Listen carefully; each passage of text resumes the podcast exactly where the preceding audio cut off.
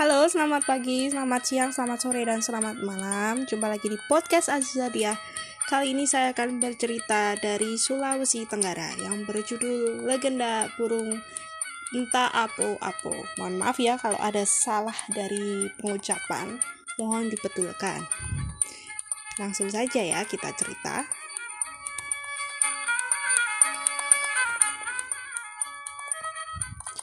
Dahulu ada seorang wanita tua tinggal bersama anak tunggalnya di Muna, Sulawesi Tenggara.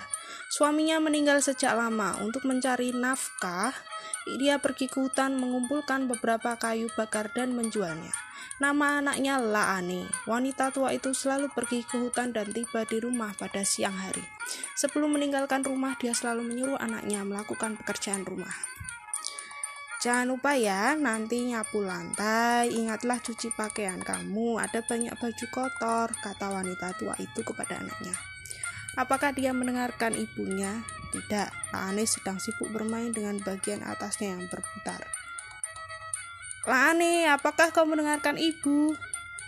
Ya bu, tapi tetap saja dia sedang bermain dengan puncak, per, puncak permintalannya. Dia mengabaikan ibunya. Belakangan wanita tua itu pergi ke hutan saat sampai di rumah. Rumah berantakan. Sudah jelas bahwa Laane tidak melakukan apa yang dia katakan. Laane, di mana kau? Dia tidak menanggapi sebuah beberapa saat. Laane pulang, dia terlihat sangat kotor. Di mana saja kau? Aku mencarimu, kata si ibu.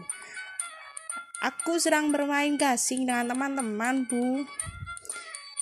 Aku sudah menyuruhmu membersihkan rumah, bukan? Kenapa kamu tidak melakukannya?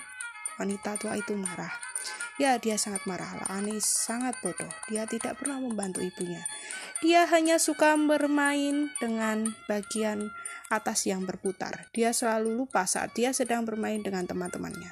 Setelah ibunya pergi, Lani selalu meninggalkan rumah dan bermain dengan teman-temannya. Dia pulang pada sore hari untuk makan. Itulah yang selalu dia lakukan setiap hari. Ibunya sangat sedih melihat tingkah laku anaknya. Suatu hari wanita tua itu tidak tahan lagi. Dia ingin memberinya pelajaran. Dia memotong gasing Laane dan memasukkannya ke piring. Saat Lane pulang, dia pergi ke meja makan. Dia sangat terkejut bahwa dia tidak menemukan makanannya. Malah dia menemukan potongan-potongan gasingannya di atas piring. Laane sangat sedih. Dia pikir ibunya tidak mencintainya lagi. Dia memanjat pohon dan berkata, Ibu, mengapa kau tidak mencintaiku lagi? Mengapa kamu tidak memberiku makan? Jika kamu tidak mencintaiku lagi, aku lebih suka menjadi burung. Hebatnya tepat setelah dia selesai mengucapkan kalimat itu, berapa beberapa bulu tumbuh di tubuh Laani. Ya, dia sedang berubah menjadi burung. Saat wanita tua itu pulang, dia mencari Lani. Lani, di mana kau? Apakah kamu sudah bermain? Hei, Lani, pulanglah sekarang. Dari atas dari atas pohon Lani menjawab. Tak apa-apa. Wanita tua itu mengenali suaranya. Lane, di mana kau? Lane. Sekali lagi Lane menjawab. Tak apa-apa. Saat wanita tua itu menengadah, ia melihat seekor burung yang indah di puncak pohon. Lane, apakah itu kau? Ya Tuhan, apa yang terjadi padamu nak? Turun sekarang juga. Lane hanya bisa berkata, Tak apa-apa. Lalu dia terbang. Wanita tua itu menyesali hal itu, tapi sudah terlambat. Anaknya telah berubah menjadi seekor burung. Sejak saat itu, orang menamai burung tersebut menjadi burung tak apu-apu.